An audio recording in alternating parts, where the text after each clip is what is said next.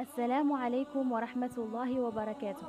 سأل أبي هريرة رضي الله عنه الرسول صلى الله عليه وسلم عن إسكاته بين التكبيرة والقراءة. قال أبي هريرة بأبي وأمي يا رسول الله إسكاتك بين التكبيرة والقراءة ما تقول؟